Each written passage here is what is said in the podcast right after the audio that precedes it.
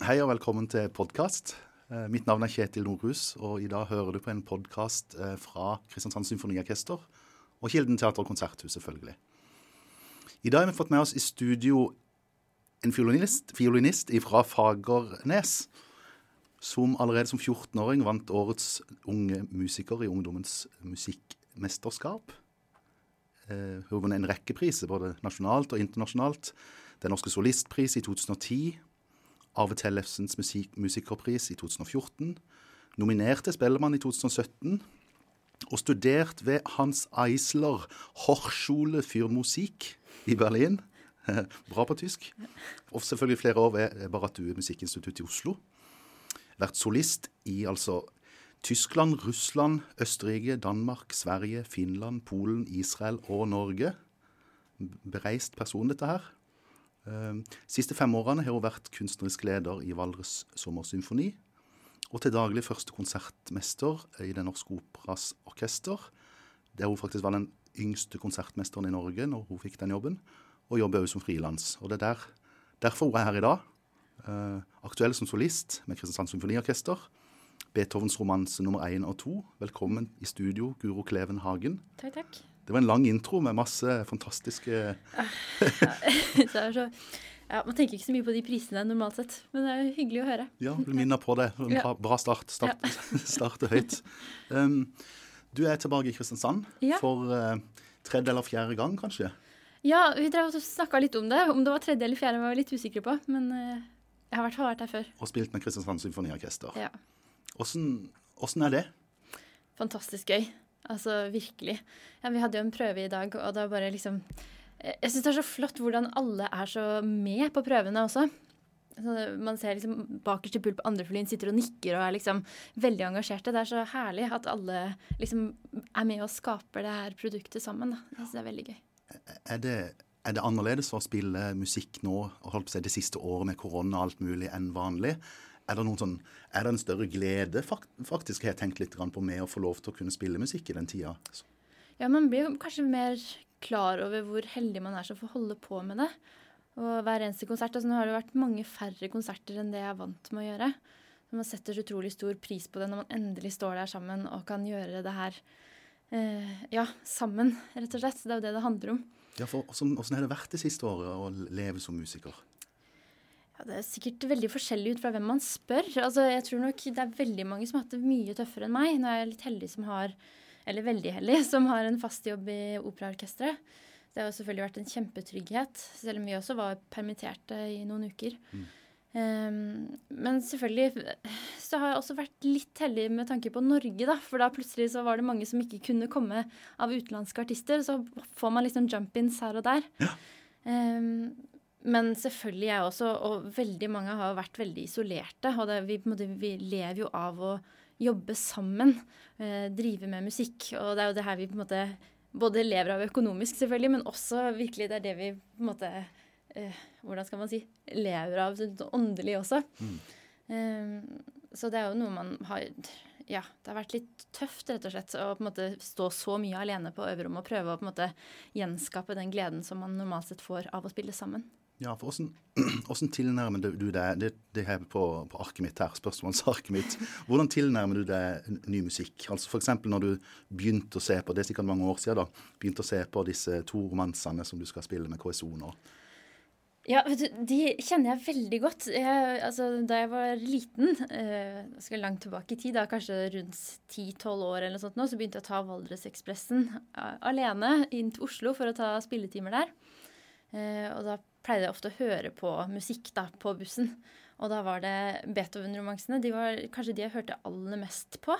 Med David Oistrakh da den gangen. Det var liksom sånn perfekt musikk å både liksom ha i bakgrunnen hvis jeg liksom nesten ville sove, mm. eh, men også som virkelig liksom inneholder så mye hvis man først begynner å lytte ordentlig. Så det var liksom flere, flere bruksområder, på en måte. Um, så jeg kjente dem sånn sett veldig godt fra før. Altså jeg hadde hørt dem mye. Eh, og når jeg da begynte å studere dem litt mer og gå inn i partituret til Beethoven og sånn, det er sånn jeg gjerne liker å jobbe. da, Hva er det Beethoven egentlig har ment? Hvordan er det han vil at jeg skal spille det her? Hva slags historie er det han har villet fortelle? Så er det så utrolig mange ting man oppdager da, som man ikke ville tenkt på hvis man bare hadde hørt det og sittet med fiolinstemme alene. Hmm. For uh, de som kanskje ikke kjenner til de to romansene så godt, hva kan de, hva kan de forvente seg? Mm. Hva slags, hva, hva er det for noe? Ja, det er et godt spørsmål. Jeg prøvde også å google det. Hva er egentlig altså, romanse? Man tenker sånn romantisk, og det er selvfølgelig også noe i det. Eh, jeg tror også på den tida, i hvert fall ut fra det jeg greide å finne fram Nå er jo ikke jeg noen musikkekspert sånn sett, jeg er jo ikke musikkhistoriker. Men eh, at det dreide seg om en langsom rondo. Eh, at det er liksom den romansen fra den tiden, da. Så det er på en måte et tema som kommer igjen flere ganger. Eh, med noen mellomdeler. Eh, og det som jeg syns er så herlig, det er liksom hver gang det her temaet kommer igjen, så er det som om det forteller noe enda mer. da. Man har liksom vært gjennom noe sammen, og så kommer man tilbake igjen, og så kan man høre på det på en litt ny måte. Siste gang temaet kommer, så er man bare sånn åh, det er så herlig. Mm, herlig. I introen min så, så, var jo den første prisen da, som jeg refererte til, var, da var du bare 14 år. Mm. Uh, har det vært skrevet i stein fordi du var bitte liten at du skulle bli eh, musiker? Hmm.